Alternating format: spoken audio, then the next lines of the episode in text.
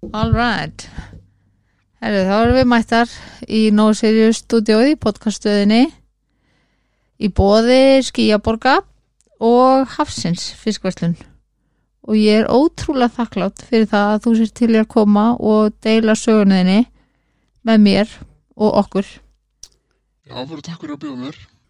Ég sko mín er öll ánægjan. Það er ótrúlega, þetta er svolítið þungt málefni og kannski málefni sem að fólk er ekkit endilega tilbúið að tala um. Þetta er svolítið falið svona fyrir, hvað ég segja, hinnum almenna borgara. Erum við ekki saman um það? Jú, jú, alveg klárlega, sko, 100%. En þú ert tilbúin að koma, þú ætlar að vera nafnlaus Já. og ætla, við ætlum að uh, breyta röttinniðinni kannski ágætt að taka það fram að um, ég fæ aðstofið það ég- tækni tröllið ég. Þannig að ég hérna bara þakka ég kærlega fyrir að koma og þá bara byrja ég eins og alltaf bara hver er konan? Um, já, ég er 32 ára og um, kem frá Reykjavík. Og um, já, er það ekki bara ágætt? Jú, það er bara mjög gott. Uh, Þannig að það er uh, Við ætlum að ræðum vændi.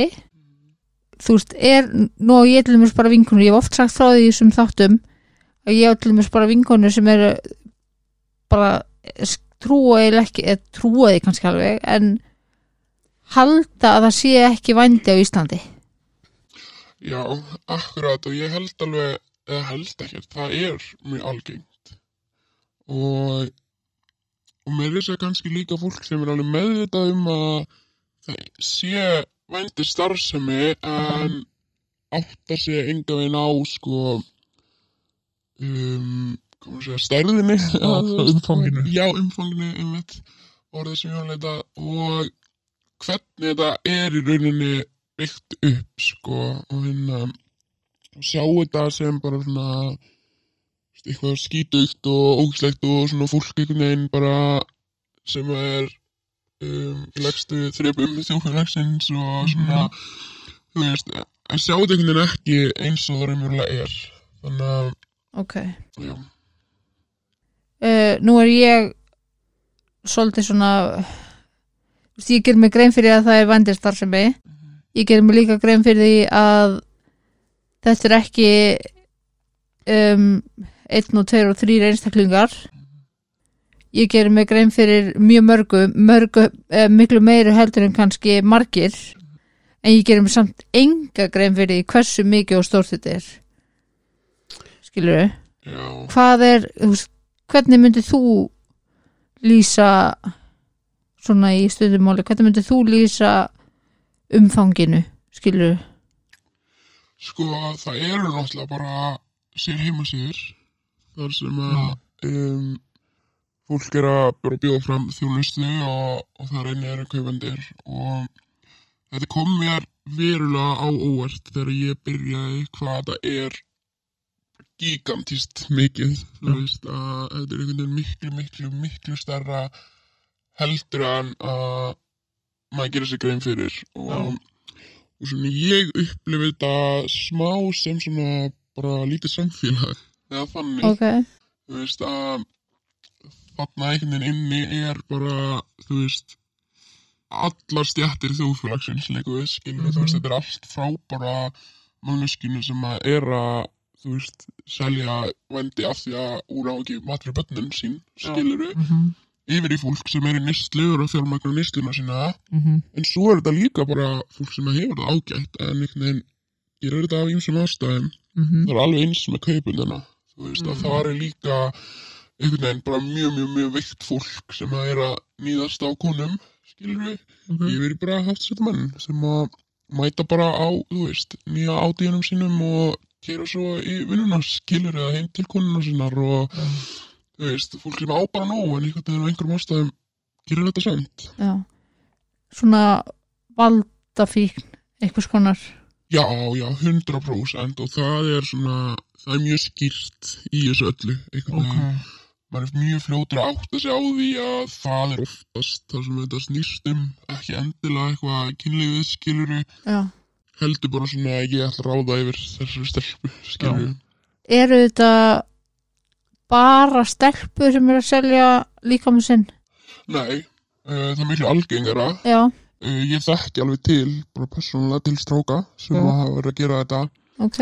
um, og það er alveg markaður fyrir það líka klárlega sko, en það er miklu algengara að stelpur leiti í þetta samt heldur Mhm. en strákanir Ok, um, og það sem ég allavega svona hefur mest séð í kringum mig er það að þegar að strákar er að, selja þá er eiginlega til annara karlmanna Ok. skilurðu. já, það er svona, ég veit ekki mörg dæmi þess að konur hafa verið kaupa vendi en náttúrulega það geta ekkert allt skilur nei. það getur alveg verið að það sé markaður fyrir það Já, það sé við það uh, hvað var til þess að þú leitist út í vændi? um, bara neysla ég vissi á því að þetta væri um, til og veginn hafði kynst þessu svona í gegnum aðrar konur og vissi þekkti konur sem voru mjög stórar í þessu og fjármagnu bara alla sínu neyslu allt sitt líf á vendi Ok, og svo einhvern veginn bara, þú veist, ég er í neyslu og svo bara kemur dagar þar sem ég átti ekki skemmtur mér já, þá einhvern veginn og bara svona hafði einhvern veginn engar aðra leiðir til þess að ég var ókvæslega veik um, leiðið umlega og þá bara svona einhvern veginn já, var einhvern veginn ekkert eitthvað svona sem að um, held aftur um að rauninni þú veist, þetta bara, ég fekk svo um að það bara. Já. Var þetta ekki svona mjög stórt skref að stíga? nei, alls ekki, ég upplifði það alls ekki þannig á sínum tíma. Mm síðan í dag þú veist, ég sé í dag að þetta var um, einu verst ákvörðun sem að ég mögulega hefði getað tekið Já. um, og hafði rosalega áhrif á mig en á þessum tíma veginn bara í ótrúlega mikill neyslu mjög mikill vanlegan og veginn lífi bara í röggli skilur að að einhvern veginn það bara svona já, þú veist, ég myndi bara Einmitt. Uh, það er sem að voru í kringu þig, var þetta sagt svona kannski svolítið norm? Já, 100% og er það náttúrulega bara yfir höfu svolítið í, þú veist, undir heimunum. Já, svona að það er bara, eða þú veist, þetta er bara svona eðlur partur af því í rauninni að vera í neyslu þannig séð og fáir sem er eitthvað að setja út á það, Já. þannig séð sko. Þetta er kannski bara svona hluti á lífinu Já, svolítið. inn í þessum heimi ef maður getur orðað þannig. Já, svolítið sko og svona, þú veist, ég þekki alveg nokkrar konur sem eitthvað svona sjálfsmyndin þeirra lása þetta í því að ég hef aldrei selt mig, skilur Já. en svona hjá flestum sem eru eitthvað djúpt sóknar þá er þetta bara svona veist, þetta er bara leið til þess að rætta þér skamtininum, skilur Já. og á einhverjum svona ákunnum punkti þá einhvern veginn skiptir að það ekki máli lengur hvað þú þarfst að gera, Nei. þetta er bara verður að nota Og það er kannski, þú veist, eftir að fólk verður edru, ef það verður edru, að þá er þetta stór partur sem þarf að vinna kannski úr. Já, 100% og það er sko ég fyrir alltaf svolítið fram og tilbaka svona í haustnum á mér, þú veist, einn daginn áttaði mig ógæslega mikið á því hvað þetta var mikið ofbeldi og hvað ég hafði eitthvað en ekkert um þetta að segja. Mm en svo næsta dag þá er ég svona já, þú byrðst samt upp á þetta þú veist, og um, en til dæmis stígamót hafa komið stert inn í þessa vinnu hjá mér, þú veist, það er mjög langt í land og þetta trubla mig ennþá mjög mikið í dag og meira aldrei um margt annað einhvern veginn sem að ég hef upplifað. En um, en það er svona stígamót ásend hjálp mér að sjá hlutina aðeins í öðru ljósi og einhvern veginn svona hjálp mér átt það með á því að þú veist, það er konseptið er þú ert þú landi vændis, skilur Já. það er ekki, þú veist, þú byrðst upp á að láta misna það Af því að ég get trúið að það er, eh, það, fólk, það sjá þetta ekki allir eins. Mhm. einhverjir gætu verið séð þetta þannig að það er þú sem tekur skrefið í að og nú er ég að, að segja þetta út frá því sem að fólk, einhverjar hliðar sem fólk getur horta á þetta Mhm. einhverjir getur sagt sko þú tekur skrefið í að bjóða líkamaðinn til þess að fá peninga fyrir skamtunniðinu með til að fá efniðin einhverjir getur séð uh, þannig eru menn eða konur sem að er að nýta sér þína neyð Mhm. skilur og það er kannski þarna sem þú ert að flakka á milli. Já, algjörlega. Og mér finnst líka er alltaf umræða um þú veist, kynlífsiðnaðin eða hvað við viljum kalla þetta kynlífsvinna á vændi og skilur mm -hmm. og það verður skilur en umræðan hefur verið rosalega há síðust árin. Mhm. og það er rosa mikið af fólki sem hefur stíðið fram og sagt bara ég er að gera þetta sjálfur mér finnst þetta æði og bara þú skalt ekki tala fyrir mig. Og, og ok, gott og blessað. Um, ég persónulega trúi því ekki. Ég allavega hinga til hef aldrei hitt mannesku sem að um, hefur bara verið útrúlega hamingisum eitthvað að sælja aðganga líkamannu sínum. Nei, En það er ekki mitt að dæmi fyrir alla, alls ekki. Og þú veist, þær sem að ég hef talað við hafa flestar verið að gera þetta á neyð. Mhm, en það hefur samt alveg verið sínt fram á það og ég fekk mjög góða kennslum það í stígumótum að þegar að það fer að grafa hún í fortíð mhm, um, kvenna sem að hún er talið bara fyrir hún er að því það er einhvern veginn svona kennsla sem ég hef fengi. Já. þegar það fer að grafa hún í fortíð kvenna sem að leiðast út í vændi þá liggja yfirleitt þar bak við já, og mér finnst það að segja rosa mikið. Já, algjörlega. Að svona, þetta verði einhver leið til þess að annarkost um, upplifa ábeldi aftur skilur því að það er ofta sem að þú lundir leitast í. Eða til þess að eitthvað svona taka aftur stjórn á þú veist, þínum áföllum og þínum líkama og þú ræður hverjum úrst að gefa aðganga og, og þú veist, og það er svo margt í þessu sem er einhvern veginn þú veist, er alveg svona finnst mér á gráðsveið sko. Já, og svona umræðan um kynlýsvinnu, OnlyFans, allt þetta hvernig þetta hefur verið svona glamúressað í Mhm. fjölmjölum mhm, ég er ekki lind þessu Nei. bara alls ekki sko. Ok. Að því að sko nú eru samtök til dæmis Mhm. sem að tala mjög í rauninni með þau kalla þetta mynd kynlífsvinnu. Og ekki það að ég ætla eitthvað að fara að tala það, þau samtök niður alls ekki. En það er svolítið það sem að kannski er verið að glamúra þetta í rauninni. Um, gagvar kannski ungu fólki, ungum stelpum um, áttu þá við kannski að setna á lífsleginni eða eftir að sjá eftir þessu? Sko já, þú veist, ég hef áhyggjur á því Já. og líka bara þú veist, af því að ég er algjörlega þar að stiðja það að þú bara gerir það sem þú veist svo lengi sem ert ekki að skada þig að aðra skilur og þú Mhm. mátt bara senda þær myndir af þú veist þér sem þú vilt og svo eða þeim sem vilt skilur þú veist og og alltaf, og ég ætla alls ekki að fara eitthvað að slött sér maður neitt en það er alls ekki það sem ég er að reyna en það er frábært að það sé til þessi samtök til þess að Algjörlega. vörð um þeirra réttindi sem er í þessu en mér finnst alveg mikilvægt að reyna að skoða eins og hvað af hverju ert að þessu skilur hvað er það sem þú ert að gera. Og persónlega finnst mér mjög óþarft að vera að mæta í fjölmjöl og segja ég þénaði miljón einni viku. Skilur að því að svo situr einhver heima sem að bara á kannski ekki pinning til þess að gefa bænnum sínum mat eða whatever. Og sér þarna er það ok hún gerir þetta, hún þénar miljón á viku. Mhm. ok, við skulum skella okkur í þetta. Og þar að leiðandi eru komna myndir að þér og netið ælu skilur Mhm. eða þú gengur yfir þín mörg eða whatever skilur þetta sér þetta eitthvað 15 ára stelpa og fyrir að gera eitthvað sem hún mun sjá eftir. Nefnilega það er svona það sem að þú veist ég hef ágjur á bara sálarlíf þeirra sem að eru að þessu skilur já, en bara ef þú ert að mikið sem með þetta og þið líður vel bara frábært. Do it skilur en Já.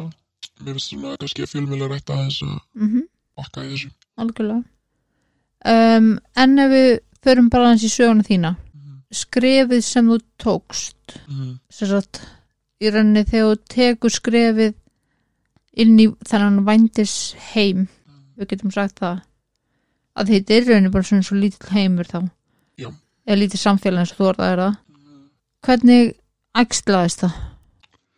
Sko já, eins og komin ég bara átti ekki pening fyrir skamtunum mínum og bara hafði séð konur í kringum mig vera að þessu einhvern veginn og, Mhm. og ég upplifði þetta svolítið svona um, ok, öðru peningur hitt eitthvað gall í klukkutíma eitthvað og fæ einhver ekki upphæð um, ég finn þannig einhverja heimasíðu bara í gegnum eitthvað smá Google finn ég einhverja heimasíðu þar sem að maður bara postar upplýsingum, myndum bara er dökkarð, er svona stór skilur og bara spurt um alls konar bara þyngd og veist, alls konar eitthvað og, upp frá því fæ bara fullt, fullt, fullt að skilabóðum já, og svo um þing já, bara þyngd og brjóstaldra stærð og hárlit og hefur litaðar hári og bara, veist, Já, ok. bara alls konar. Og það er alveg svona ákveðin svona kategóri, svona flokkur. Það sem eru bara íslenskar stelpur skilur og, og eitthvað svona norðurljósa stelpuna eða þú veist, eitthvað svona búið að reyna að marketa þetta eitthvað svona út frá Íslandi. Já. og hérna og svo, norðurljós, ok, það er svona viðbjöð þetta er rosalega toxic ókvæslega þegar maður fer að hugsa út í þetta sko. Já, og þannig á þessari síðu bara fullt af köllum sem hafa samband um mig og ég einhvern veginn sem sagði ég get hitt á morgun og ok, frábært skilur við og, og hérna og við gerum það og ég og hann vissi að þú væri í neyslu. Sko nei, ekki á þessum tímabúndi þú veist, ég um, fer og hitt hann og ég fatta einhvern veginn um morgunin ok, ég á ekkert málingatót uh, ég er ekki með neinn falli föta sem ég er einhvern veginn og, og bara hvað ég að gera núna? Og ég senda hann að bóra eitthvað, "Heyrðu, ég var að gista ef á vingurum minni, ég glemt allir með eitthvað mínum, bla bla bla eitthvað og það kemur eitthvað svona að ég elska náttúrulega stelpur eitthvað, eitthvað svona já, ógslegt sko og hann að og þannig ég fyrir að hitta hann og lítur að hræla út sko það var alveg þannig að þannig ég er mjög líklegt að hann átt að sjá því strax já, en ekki sagt neitt. Og hann að og hann fer sko með mig segir ég ætla að fara með þig upp í vinnu hjá mér og því þar er ég með eitthvað herbergi og ég kem og við stoppum í einhver svona innarhúsnæði sem að búið að breyti í svona skrifstóhúsnæði sko. Um, og þar er hann við skrifstofi er greinlega að vinna þarna og er bara búin að setja einn breytt rúm inn í herbergi sitt skilja þess inn á skrifstofunum sína. Þannig að þú veist ég var ekki fyrsta konan sko það er auðvitað hann að stunda þetta. Og þú veist og við bara eitthvað þú veist, gerum okkar þeng og svo bara lætur hann með fá pening, kerum með heim og er á leiðinni heim að afsaka það sko að hann sé giftur. En konan hans vilja aldrei svo hjá hann þú veist, hún hafi verið í eitthvað nýbúin eða batni mann ekki hvað hann sagði einhverjum mánuðum með vikum aður og, og hún hafi ekkert viljað svo hjá hann eftir að hún eiga þetta batn og þess vegna hefði hann í rauninni rétt að því var að gera sem hann var að gera. Já, já, og ég vildi ekkert missa þessi innkom en ég sagði náttúrulega bara já, ég veit ég skil þig og var hvað konan henni leðilega skilur þú veist, þú veist bara algjörlega já, gegn því sem ég trúði sko. Já, einmitt. Um, og var þetta svona algengt? Já, klárlega. Það er svona um, þú veist þetta persónlega þegar ég var á þessu stað þá var það ekki eitthvað, ég var ekki að pæli í hvort þessi menn ættu konur, nei.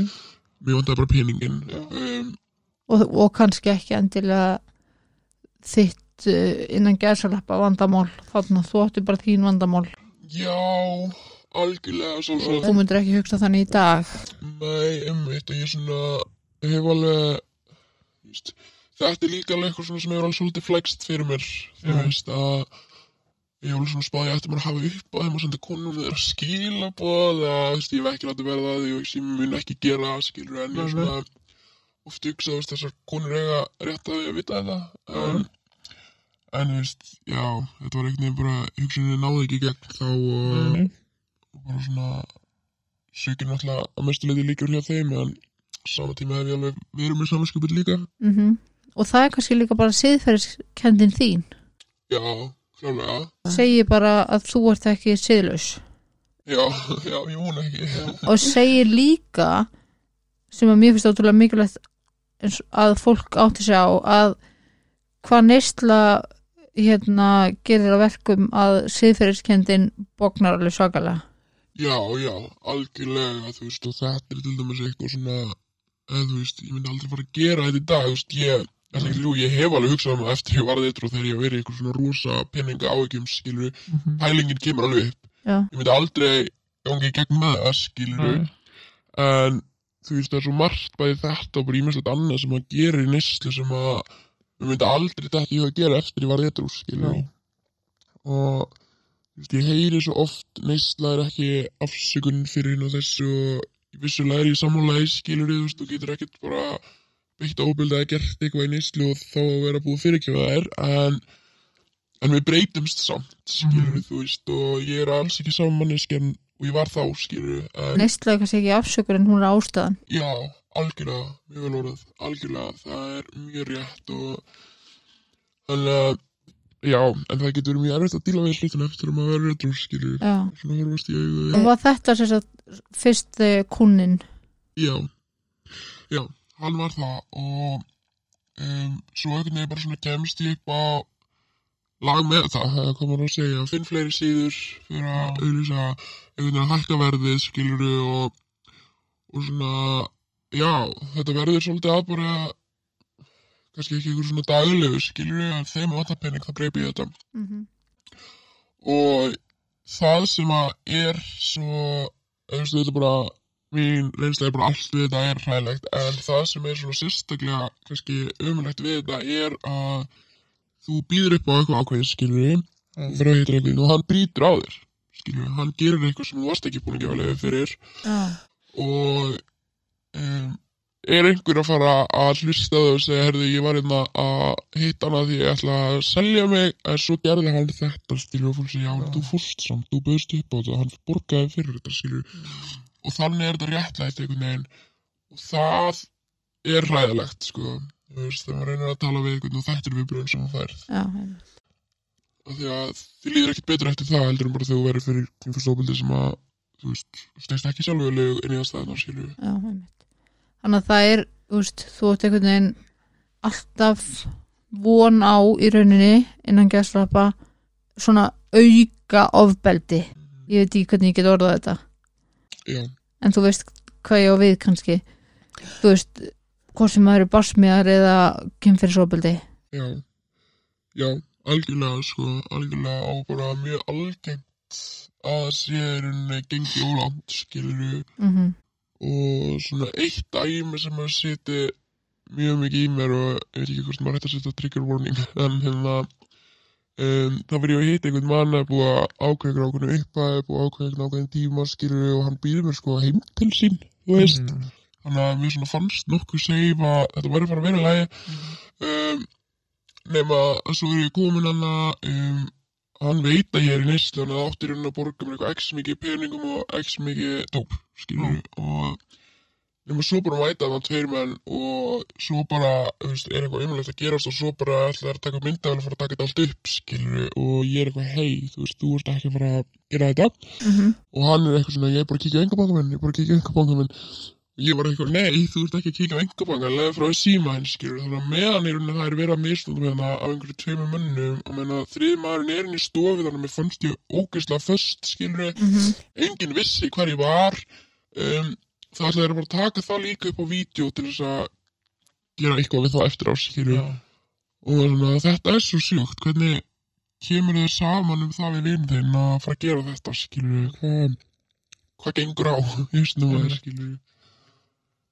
Ég hef oft sagt, ekki hér reyndar, ég hef aldrei sagt það hér, að ég ætla að gera það núna. Það eru til fávitar og við veitum það öll.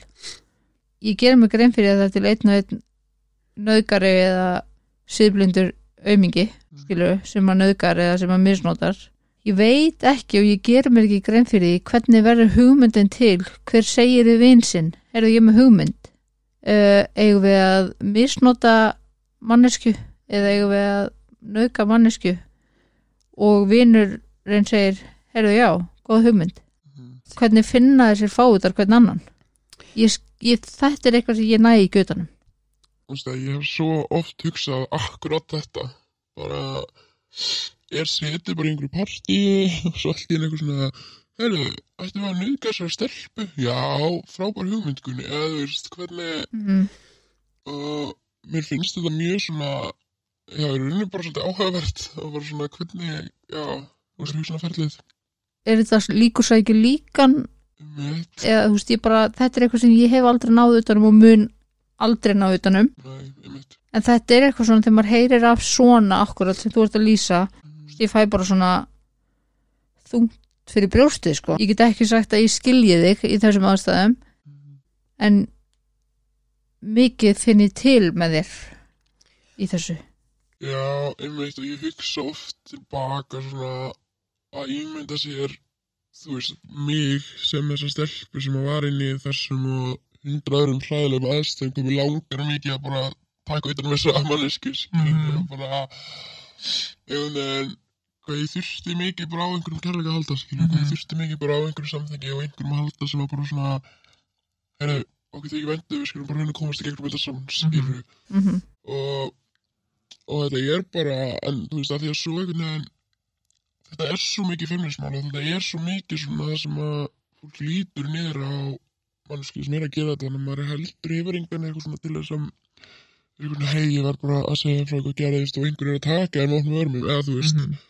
Þannig að maður setur líka einn með þetta og og einhvern veginn sem verður til þess að þið líður bara verður og verður einhvern veginn meira samum sjálfa og, og svo bara vindur þetta upp á sig sko Og er, var þetta til dæmis eins og þetta dæmi sem voru það nefna núna, er þetta svona eitt af þessum kannski svona grófari dæmum? Sko, nei, í rauninni ekki, sko.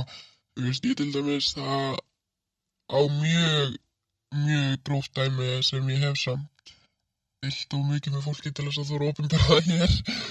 Um, og margir sem veit það, en það er svona, þú veist, það eru nokkur atvik sem að setja svo rosalega í mér sem einhvern veginn um, ég upplifur svolítið að ég minn aldrei ná að díla við, sko.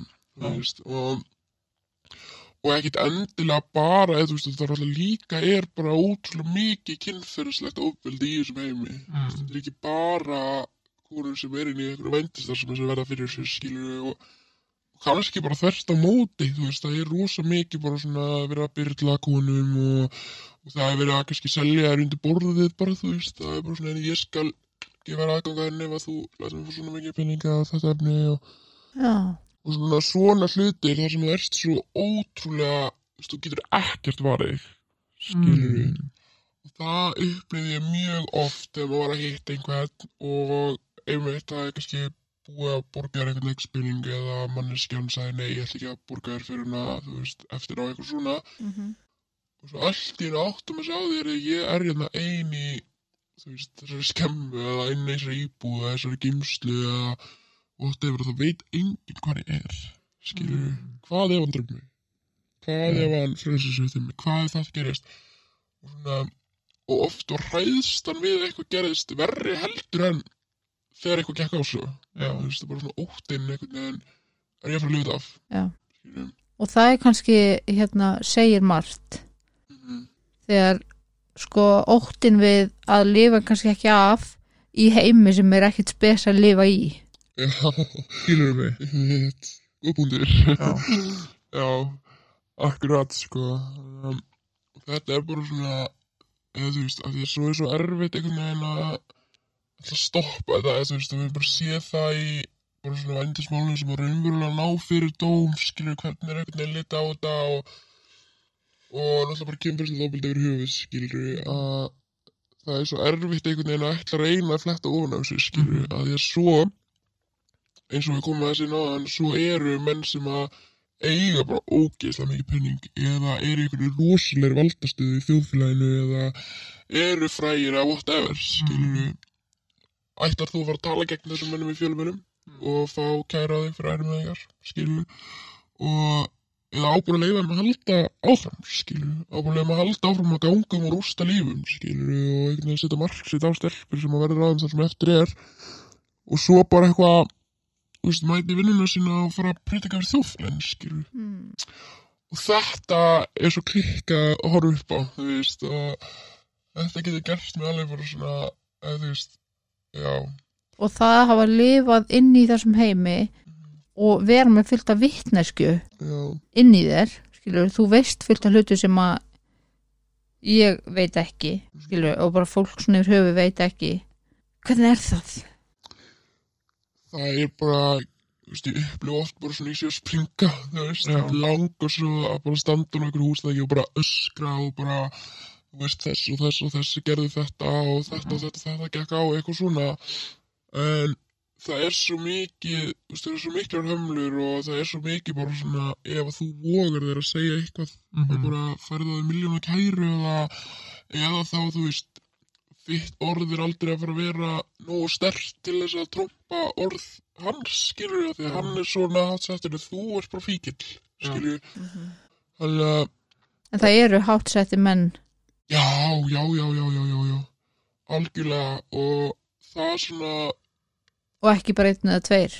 Alls ekki, það er alveg ákveðni menn sem eru verstir, skilur sem að bara svona þú veist bara, En hvernig að það er bara svona almenn vittneska í rauninni og ég ætla einmitt að fara að segja að það eru ákveðni menn Mhm. sem að bara eru langu vestir í þessu og hvernig rótækastir í þessu málum. um, menn sem allir í þjóðfélaginu vita hverju eru líti upp til, þú veist og svo eru þeir bara endalust einhvern veginn kaupandi vændi af líklega mjög veikum stelpum og, og það getur alveg gert með brjála að reyna þú veist einhvern veginn að fylgjast með þjóðfélaginu, horfa upp til þessar manna og þú veist hann er svo frábær og sjáðu hvað hann var að gera þarna og eitthvað og, og vita svo hvað þeir eru að gera baka tjöldin. Já,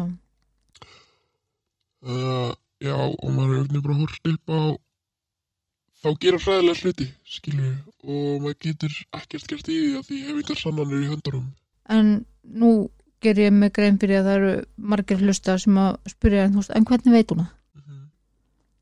Þú veist, sko um, eins og segja fyrsta lagi bara svona er almenn veit þessi kefum nokkra menn þar sem bara allir vita að þessi hefur hitt þannan og þessi hefur hitt þannan en mm um, einn maður sem að var bara mjög nálagt mér í þessu rauninni þú veist, stelpa sem að um, ég þekki sem að var bara mjög reglulegur kunni hjá honum skilur. Og, og svona já, einhvern veginn að fylgjast með honum dæla í hana peningum fylgjast með henni svo eftir að hafa hitt hann líða hræðilega um, horfa svo á hann í dag eftir ég verið etru og sjá veldir sem hann hefur í samfélaginu, þetta er ræðilegt sko, þetta er bara ræðilegt og einhvern veginn vannmáttur sem fylgir því að geta ekkert gert sko. Þannig að það sem ég hef svolítið verið að gera er að koma upplýsingunum bara áfram Mhm. skilur þú veist, ég get ekki staðið fram einhvern veginn, stíðið fram ofinverlega og sagt, herru, þessi var að gera þetta. -hmm. en ég get komið upplýsingunum áfram inn í samfélagi einhvern veginn svona hægt og rólega skilur að mér langar rosalega mikið áhuga að þess að kalla sko. Já, ég skil það mjög vel. Það er bara en að segja. Að má ekki.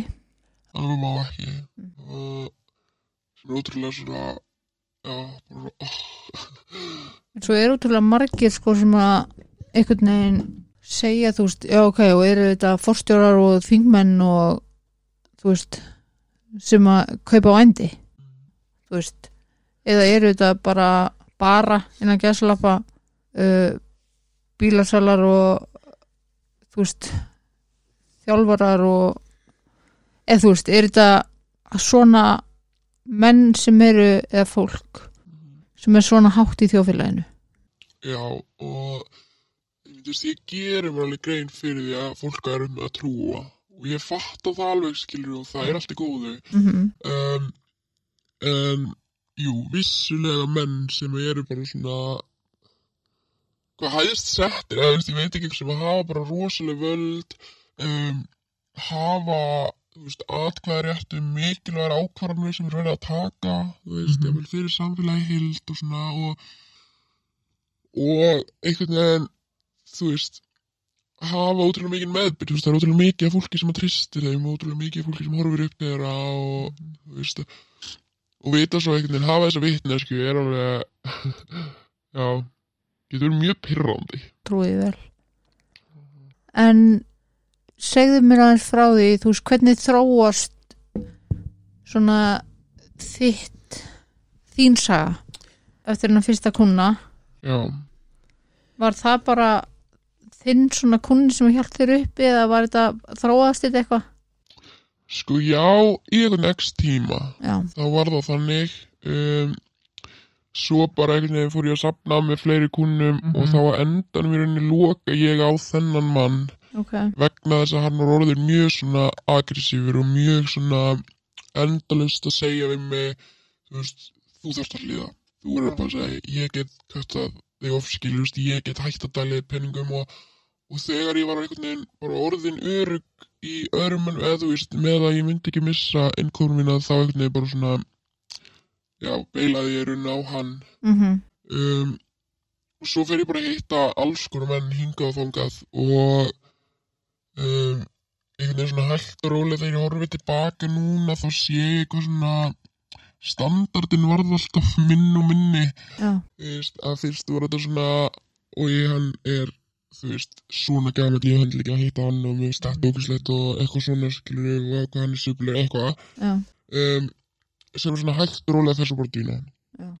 og einhvern veginn undir lokin að þá var þetta bara svona ég er semi til að hitta hvað sem er. Já, og um, ég held að það hafi verið síðasti maðurinn sem ég hitta var allavega mjög stutt í að ég yrði edru á þessum tíma þar sem að kemur maður og sækir mig og hann einhvern veginn átta sig á því áður en hann kemur og sækir mig að ég sé neyslu vegna þess að ég hafi svarað skilabóðum frá honum klukkan 5.30 um nóttina eitthvað líka. Já, og hann segir akkur til vaka en þetta er í neyslu? Og, hérna, og ég viðkenni það bara. Já, og segi viltu hættu veitingin? Skilur og hann segir bara nei og hérna kemur og sækir mig og við keirum að hérna úrljótsvatni já, og í rauninni bara svoðum saman í skottir á bílnum hans og hérna og eina sem var að hugsa allan tíman bara hann lítur alveg eins út á stjúpum mm, og þetta var svo óþægilegt og þetta var svo ógislegt og ég bara einhvern veginn er þarna og ég þetta var eina sem ég náði að hugsa bara hann er alveg svo hann, hann er alveg svo hann, hann er alveg svo hann. Og þessi maður öruglega nálgast sjötugt sko. Og hérna og var svona einhvern veginn, þú veist, vildi ekki hætta við ég sagði bara ekkert mál Mhm. bakkaði út skiluru, mhm, gaf honum í rauninni alveg sens á því og um, hann vildi það ekki en Mhm. var samt allan tíman í rauninni að tala við til mín. Hvað ég væri nú mikill um ekki að vera í neyslu bla bla bla. Mm, um, og segir svo ég mun aldrei gera þetta aftur ég get ekki eitthvað tekið sér svona í lenda af einhverju dópust eitthvað svona. Ok, um, en borgum mér svo bara peningin og kerum mig heim skilur við og allt í góði en bara rosalega sem að þetta satt í mér hvað þeir voru svakalega líkir. Já, ok, þetta var alveg bara svona og ég fæ enda það bara hróll sko að hugsa um þetta þetta var alveg bara svona öðagt ókýrslegt sko já, ég bara, I'll take your word for it. Já Já, þetta þróast út í það að mér fyrir að vera nokkuð sama sko, bara að fá peningin um, Það er bara það sem þetta snýst um. Það er bara að fá peningin fyrir skamtinum. Já, umleitt og þú veist, á þessum tíma einhvern veginn þú veist, þú hittir einn mann og átt kannski nóg fyrir næstu þreymur skömmtum eða næstu tveimur þannig að þú ert ágætlega sett eitthvað og svo bara eftir því sem rauninni nýslan verður harðari þá duga þessi tveira þrý skamtar stittra þannig að fyrst og nú að hitta kannski einn um, fyrir tóta eða eitthvað skilur svo veginn hættur rólega verður þetta þannig að maður þarf bara að hitta kall með hægri vinstri skilur. Já, og þannig að það svona já, þetta verður einhvern veginn alltaf meira og yftara og rústar manni meira og meira og meira. Mhm, og þannig að sjálfsvinningin er einhvern veginn orðin engin undir lokin. Já, og það er leiðandi svona, ég ætla ekki að segja leifir maður þeim að ganga mörgjum en svona, kannski veitir minni mótspyrnu. Þú veist, þú verður bara, já, ég skipt engum hvað sem er, skilur, og ég er orðin ógæslega og er ógæslega supileg og skítið og eitthvað. Þannig að þetta er einhvern veginn svona, já, fyrir alltaf að hafa meira og meira áhrif. Mhm. Kom þér á óvart hversu mikið eða stórt þetta er? Já, 100% sko. Og ég var svolítið bara svona lengi að melta það í rauninni sko. Af því að ég, einhvern veginn, eins og ég fæ svolítið að sjá innan heim og svona skeignast inn í hann áður en ég verði einhvern veginn partur af honum. Ok, gegnum þá vinkonur þínar. Já, og, og svona sérstaklega þessu einu sko sem að var mér náða mér og hérna var rosalega mikið í þessu. Og hérna ég man alveg svona, ég átti mjög erfitt með að bara svona átta mig á því hvernig þetta einhvern veginn var allt saman sko því að svona það sem að maður hafði heyrt um áður og þú veist, eitthvað svona suður var allt bara eitthvað svona þú veist, ekki segja kannski supulegt lið en svona, já, bara mjög veikt fólk og einmitt bara eitthvað svona þessi seldi þessa stelpu skilur hann þess að hún gefur leið fyrir eitthvað svona en þannig er bara eitthvað svona skipur starf sem í nefnum hægt En ég ætla að grípa þetta aðeins. mm -hmm. Þessi seldi þessa áður sem hann gefur leiði fyrir. Mm -hmm. Um, nú hefur maður oft heyrt svona, skilurðu, uh, inn í bara þessum, ef við getum sagt bara neyslu heimi, að þá er, ég ætla bara að orða þetta þannig, að það eru menn sem selja aðgang að stelpum, mm, ekki satt? Um, af hverju? Um, sko fyrst og fremst náttúrulega bara að fá efni og pening. Ég giska þú veist en þetta náttúrulega er samt þú veist ógeðslega bara siðblind þetta er ræðilegu hlutur að gera. Um, þannig ég held svona fyrst og fremst eins og segi snúist þetta oftast um að bara fá dópið eitt en á sama tíma þá er þetta líka oft gert í einhver svona hefndar aðgerðum skilur þú veist. Þessi á þetta skilið út af þessu þú veist og, og svona þú veist naugun og kynferðslegt ofbeldi er svo mikið bara eins og barsmiðar í, í þessum heim eða þú veist fattari þessari var nauðgað að því að hún rændi þennan. Já, mm. þannig að þetta er oft líka bara eitthvað svo les of emmitt og það er, þetta er svolítið bara svona hver annar þriðudagur Já, já, já, klálega sko. Svona, eftir einhvern x tíma í nýslu þá hættur að sjá hvað þetta er brenglað. Já, þú veist, þú hættir að sjá hvað það er ótrúlega og, eða þú veist, ekki í lagi að sofa ekki í marga daga eða hvað er ekki í lagi að vera inn í aðstæðum sem eru hræðlar eða það er ekki í lagi að ræna mömmuna Mhm. skilur þetta er veginn svona bara öll prinsip og allt það bara svona með tímanum hverfa. Mm þannig að alveg eins og þetta, það verður bara svolítið normið að beita ofbeldi. Algjörlega og það er það sem er svo erfitt líka eða ekki það eina en það er mjög stór partur af því hvað er erfitt að verða edru mm -hmm. þegar þú áttar á hefðu vá, þarna var illilega brotið á mér og þú ert kannski ekki búin að sjá það. Mm Þú veist, og æskuvinir í rauninni mannsins um, braut á mér eftir að maðurinn minn var retro og hérna og það var líka eitthvað svona sem ég sá ekki alveg fyrir en eftir á sko. En það finnst mér svo mikið svona típist dæmi um það hvernig þessi heimur virkar -hmm. að þannig eru þeir búin að vera vinir frá því bara fyrir fermingu, bara frá því börn Já. e, maðurinn minn var retro og þá byrjaði þessi vinur hans að einhvern veginn reyna við mig og það gekk ekki upp og þá bara þú veist, hann fekk sín framgengt skilur já, og mér finnst að þetta er bara eitthvað svona fullkomin dæmi um síðleysið sem að ríkir annað sko og svo náttúrulega verður fólk oft eða stundum edru og þá koma öll áföllin í hausin á þeim basically Já, algjörlega það er bara rosalega mikið áfall líka að átta sig á öllum áföllunum skiluru það var svona átta sig að ég er okkur þetta raunverulega hafði áhrif á mig bara svona mjög ómeðveitað mm. Mhm. horfast ekki í þetta mm -hmm. og svo svona áttum að segja þér okkur það hafði ókvæslega mikið áhrif á mig að vera að selja aðganga að líkamanum mínum. Þú veist það hafði ókvæslega mikið alveg áhrif á mig þegar að ég held að ég myndi ekki sleppa lifandi út úr þessum aðstæðum eða þegar þetta gerist eða þetta. Náttúrulega og þetta er bara mjög, mjög mikil vinna að verða þetta sko. mm bara mun meiri vinna heldur en fólk gerur sig grein fyrir. Já, algjörlega. mm en hérna ef við segjum eins og með bara að því nú við að ræða vændi. Mm. Þetta er svo margþætt í rauninni hvað myndur segja að setja svona helst eftir þú veist að því nú hefur þú sjálfur inn í þessum heimi Mm. er erfitt myndur þú segja að þú veist eins og og nú eru vinkonu eina líka í þessu Mm. og þá svona helst þessi eina er til dæmis erfitt að horfa upp á að því að svo oft er erfitt að horfa upp á vini sína líði illa eftir svona veist, ég get ekki sagt að sé, veist, ég hef ekki verið sér stöðu en var erfitt að horfa upp á vinkonu sína var það erfið aðra heldur en að upplifa þetta í mómentinu sko Já, veistu, já, algjörlega, að þar sá maður einhvern veginn svo skýrt hvað þetta hafði hrikalega áhrif. mm Um, þú veist að vingunaðin er að hitta einhvern og, og svona undir lokin um, vorum við komnar með svona system. Ég er að að hitta þennan hann og heima þarna ef ég er ekki búin að heyra þér eftir klukkutíma.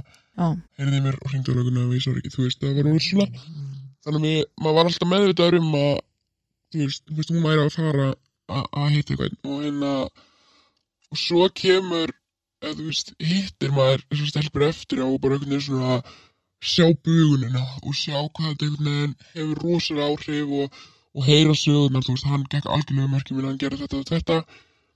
En á sama tíma eitthvað svona ok, en já, allan að fyrir dópi, nú getur við fara að kæft dópi og ég verða að nota, skiljum, ég verða að slaka hausnum á mér. Og ég einhvern veginn svona upplifið það eins og segir miklu skýrar í gegnum fólki með heldur en einhvern veginn það var hugsunni mín og alltaf bara ok, nú er það næsta skamti við sem fara að nota, skilju en um, sko það sem ég hugsa svo margt sko. Kannski að því það var náttúrulega mikið verið að nota. Að því að ég talaði við stelpum daginn í þætti hérna sem að hafi verið inn í vandisheimi í bandaríkjónum og þar var verið að þar var pimp. Og ég ger mig grein fyrir að þar er heimurinn allt öðru sér heldur en hér. En var, er það svoleiðis hér eða? sko það er alveg dæmi um það. Já, þetta er ekki algengt. Nei, en já, það eru klárlega dæmi um það. Og en það er svona þú veist, þetta er öðruvísi heldur en í bandarækjunum, þú veist, jú, þetta er svona kannski byggt upp eins, skilur en þetta er ekki eitthvað svona að þú færð ógeðslega háa prósentu af því sem að þær eru að þérna Já. það er yfirleitt eitthvað sem að renna til þín, skilur með síma fyrir að þeir að svara SMS-um Nei, ég, veist, ég veit um eitt dæmi. Þar sem að var svo leiðis, þar sem að var bara svona frekar skipulöð starfsemi. Já, um, þar sem það var bara mjög skýrt hvað var í gangi en yfirleitt er þetta þú veist, það er jú fólk sem eftir svona tekur þetta að sér skilur en það er einhvern veginn bara svona, vá hvað hann er hjálplegur. Vá hvað þetta er fallegt af honum. Þú veist, og ég veit ekki, getur vel verið að þessar stelpur sem er í þessum aðstæðum upplifir sér rosalega fastar. Já, en þetta eru svona yfirleitt menn sem er álítið bara rosa góðir og flottir veginn í þessum heimi sko því þeir eru svo duglegir að retta stelpunum réttum unnum sem eru ekki að fara að nauka eða eitthvað svona. Ok. Það er lítið þannig á það inn í þessum heimi. Já, voða mikið sko yfirleitt er þetta bara fólk sem er á svipum stað sko. Já. svona eitthvað svona ég ætla að passa upp á litlu stelpunar mínar er svolítið svona múrallinn sko. Og það er bara voða fallegt og já, En þú horfður tilbaka hræðilegt. Já, bara ræðilegt og þú veist, alltaf þetta konsept litlu stelpuna mína sem er mjög algengt ekki bara í vendiseiminum heldur bara svona yfir höfuð það sem að þú veist, menn sem eru þekktir í undirheimunum skilur menn sem eru þú veist, rosa flotti kallar og búin að vera hendruka í 20 ári eða eitthvað svona það eldri já um, er oft í eitthvað svona slægtói með kannski tveimur, þreimur stelpum. Sem á þeim tíma er áleiknum rosalega hefnar að þær fá kannski hús og skjól en er að þrýfa heimilið í staðinu eitthvað svo leiðis Já, og hann er sko að passa upp á þær. Ykkur miklu yngri stelpur þá. Já, þanga til að svo gera þær eitthvað eða segja eitthvað og þá breytist hann svolítið í ljónið skilur sem hann er að þykjast venda þær frá. Já, þannig að þetta er líka bara mjög algengt og ræðilegt sko. Þetta er ræðilegt Þannig að þær verða á endanum oft fyrir óbeldi já, frá þessum sem er að venda þær. Já.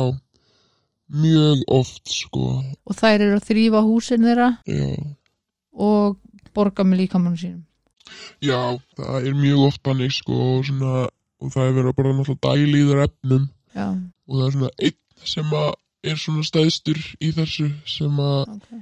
satt sjálfur inn á litlu reyni fyrir að misnóta litlu sýstur sína. Þannig að þú veist það er svona svolítið þannig sem að stemmingin er. Já, um, og ég einhvern tímann kom inn á heimili hjá hann og sá hann var með sko stelpu sem var með rosalega svona hvað maður segja, vitsmuna skerðingu þú veist. Mm. var í rauninni fullorðin en bæði líkamlega og andlega bara var eins og 12 ára. Já, og vitandi það að hann er í rauninni barnanýðingur búin að misnunda sýstu sína með þessa stelpu sem hún föstu ég veit að fjölskylduna hennar var búin að reyna að berjast mjög mikið fyrir að fá hún út á heimilinu. Mhm. eða sem hún er í rauninni fullorðin þá var hún bara föst þarna og síðasta sem ég vissi sem var bara fyrir nokkur vikum er að hún er ennþá þarna sko. Og það eru þrjú ár síðan ég var inn á þessu heimili síðast. Ég fæ alveg illt í hjarta. Almatur. En svo er einhvern veginn ekkert að gera. Það er nefnilega málið. og, og það verðist vera þú veist, lögin okkar eru svo ótrúlega, þú veist, það er svo stífi rammi. Og það er einhvern veginn ekki eins og þarna það er svo augljóst fyrir öllum í þessu tilfelli að þessi manneska er ekki með þroskan eða þú veist til þess að geta sagt ég vil vera inn í þessum aðstæðum. Mhm. og bara að hugsa sér hvað hann hefur gert við hana. Allan hennan tími er ræðilegt Mhm. þannig að manni finnst að þetta ætti að vera eitthvað sem lögreglun getur gripið inn í en það verðist ekki. Má það ekki samkvæmt lögum. Ræðilegt. Já, það er það sko. En hvað er það svona flera inn í svona vændis heim, þetta er í rauninni líka vændi eða misnótkun Já, já, algjörlega. Og það er svona já, þú veist, það er svo margt í þessu. Þú veist, það eru svona ákveðnir uh, menn sem að í næstleiminum sem að eru kannski rosa stórir salar, skilur Já. Og það er rosa eftirsoknavert að þeir kaupi aðgangaðir að þannig, skilur þú veist, og, og svo er bara orðið látið berast skilur að það var frábært að vera með þessari þannig að þú mátt vala lana, eitthvað svona skilur og það sem er svo sko, og ég hef bara margóð séð og það sem hefur fælt mig er það er svo ótrúlega erfitt að jafna sig á þessum hlutum. Það er svo ótrúlega erfitt einhvern veginn að jafna sig á því hvað er búið að gera við þig skiluru og þessi tókstreita ég gaf leifi þú veist, en samt var ekki færum að gefa leifi Já, þú veist, og bara einhvern veginn það sem að mér finnst eða verst er þetta færi að þrýfast í skjólinu þetta sko þú veist að þetta er þú mátt basically ekki segja frá. Nei, einmitt og það er rosalega erfitt ég hef nokkru sinni vita af kærumálum þú veist og það er rosalega erfitt að kæra þetta. Mm, flest af þessum viðskiptum fara fram nafnlust skilur við, það er svona lang algengast alls ekki alltaf en það er svona lang algengast að þið fara fram nafnlust og þannig er rosa erfitt að vera með sannanir og þú veist, þetta eru bara ógislega flókin mál og þú veist, það sem að mér finnst svona hefur verið mjög erfitt að horfa upp á og eru bara konur sem eru kannski búin að fastar í þessum heimi í 15-20 ár og bara ná sér ekki út það er bara komin einhver ákveðni menn rosa mikið tök á þessum konum. Já, og bara, þú veist, ef að þú ert ekki tilbúin að, þú veist, veita maður aðgangu líkamleginum þá færð þú ekki, þú veit, skilur þú veist, þegar þú ert búin að vera svona lengi í þessu þá verður að fá efnið í já, þú veist, og eitt svona yktasta dæmirinn sem ég veit um það er að um, það er maður sem að er með konirinn bara í haldi að þannig séð, skilur hún er alveg frjáls að ferða sinna en um, og hann í rauninni tekur bætunar af henni alltaf fyrsta hvers mánar þannig hún á engan pening og þá er bara hvað á hún að gera, skilur og þetta er oft mjög illa farnar stelpur og það er kannski ekkit allir að þú veist þótt að sé sjúkta orðaðanir kannski það er alveg markaður fyrir svona veikum stelpum skilur en, en þú veist konur sem eru kannski búin í nýstlu þú veist allan enn tíma það er ekkit allir sem eru eitthvað tilbúinir þú veist að því að náttúrulega líka bara hái vaff og lífrabólk og allt þetta er mjög algengt þannig að já þú veist það er alveg konur sem maður stýr aldrei fram á minni losna út sko. Já, sem er ótrúlega sorglegt. Það er það virkilega bara, það er Svo mikið skömm sem fylgir þessu. Nefnilega, það er það sko rosalega mikil skömm og, og bara svona litið á þetta sem eitthvað svona bara eins og komið náðan eitthvað svona ógíslega skítugt og ógíslegt og, og bara eitthvað svona já, þóttir þetta skilið sko. Já. já, sem þú leifðir þetta svolítið viðhorfið. Já, það er það sko. Ég er svona upp á vissi marki fatta það alveg skilu Já, en það var einmitt einhver umræða sem að myndaðist fyrir ekki svo lungu síðan á samfélagsmiðlum og það sem var bara fullt af fólki sem að var að gera grína því að einhver kona var að stíga fram og segast að var, þú veist, vera þúlandi vendir, skilur þú veist, og það var bara alls konar komið, hvað meinar þú lendir í vændi og, og hvað meinar þú sérst þúlandi og þú veist, þetta þau berði ekki meiri virðingu fyrir þeir en þetta og sérði núna eftir þessu allar að kæra það, þú veist, þetta dæmi maður bara svona við eigum ótrúlega langt í land með að fólk skilja, já, þess vegna er ótrúlega mikilvægt einmitt að einhver kom og segi þú veist, og mér finnst ótrúlega magnað að þú, se, þú sérð einhvern veginn báðar hliðarnar sko. já, einmitt. Og þú ert að berjast í hausnum á þér við bæði skömmina og svo ertu líka að berjast við að sko hausina þeirra að segja þér einhvern veginn byrja en ég lefði þetta. Já, og það er það sem er svo erfitt. Að því að í rauninni sko þú hafðir enga þú, hafðir í rauninni ekki val út af því að þú varst bara það djúft sokkin, ekki satt? Já algjörlega, og ég átti eitt samræður við eina manneski um daginn sem er, er mjög hlind kynlífsvinnu og er bara algjörlega á hinum pólunum og við áttum saman á daginn og hún kom með svo gott orð þar sem að hún sagði sko að það veri munur á kynlífsvinnu og neyðarvændi. Og mér fannst þetta svo gott orð hjá henni neyðarvændi. Og mér finnst það lýsa svo ótrúlega vel aðstæðanum sem ég var einhvern veginn í þú veist, þetta var gert Mjög gott orð. Já, mér fannst það og ég hef svolítið svona reynt að koma því inn í hausinu á mér skilur en bara eins og með allt kynferðisofbeldi og oft bara ofbeldi yfir höfuð að einhvern veginn við eigum það til að fara í svona að kenna okkur um skilur þannig að svo þegar þetta einhvern veginn bætist inn í að þú veist, þú auglisti þig skilur að það verður þetta ennþá flóknara sko. Er það ekki líka bara eins og með þú veist ef ég hefði ekki prófað í fyrst skipti? Já, hefði ég ekki orðið háður þessum efnum? Einmitt. Skilur bara svona snjóbolti sem að stækkar og stækkar sko. Algjörlega, það er það sko en ég hef alveg trúið að með sjálfsvinnu og veist aðstóð og hjálp sem er alveg til staðar og við erum mjög heppin með það, veist, það er allt ókipis og stígamótum til dæmis. Um, og þau eru með ákveðna bara stuðningshópa fyrir konur sem hafa verið í vændi og þú veist, og bara marga frábæra ráðgjöfa að, þú veist, ég hef alveg trúið því að með mikill sjálfsvinnu þá sé þetta hægt. Mhm. En oft upplifið samt líka bara vá hvað það var ósangjönd, vá hvað þið búið rústa mér, vá hvað einhvern veginn þessir menn eru búin að hafa ógeðslega mikil áhrif á lífið mitt, skilur og fæ bara svona, ég mun aldrei einhvern veginn ná að jafna mig, skilur, og ég veit alveg þess að það er ekki rétt, en þetta verður lung leið. en mér langar líka að spyrja er ekki erfitt að treysta bara kallmönnum yfir höfuð eftir þetta? Jú, jú, algjörlega og, og ekki bara eftir þetta, heldur bara allt sem að maður er einhvern veginn þólað af hendi kallmanna.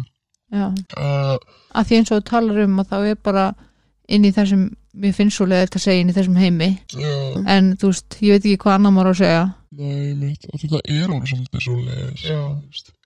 Þú veist, það er mikið ofbeldi, það er eins og orðar þú veist, það er bara þessi kallar sem að bara eiga sem er mjög leiðilega orðar líka Já, en það er sem bara svolítið þannig. Um, stelpur Já. miklu yngri stelpur og eitthvað svona. Að það er, það er ofbeldi út af fyrir sig.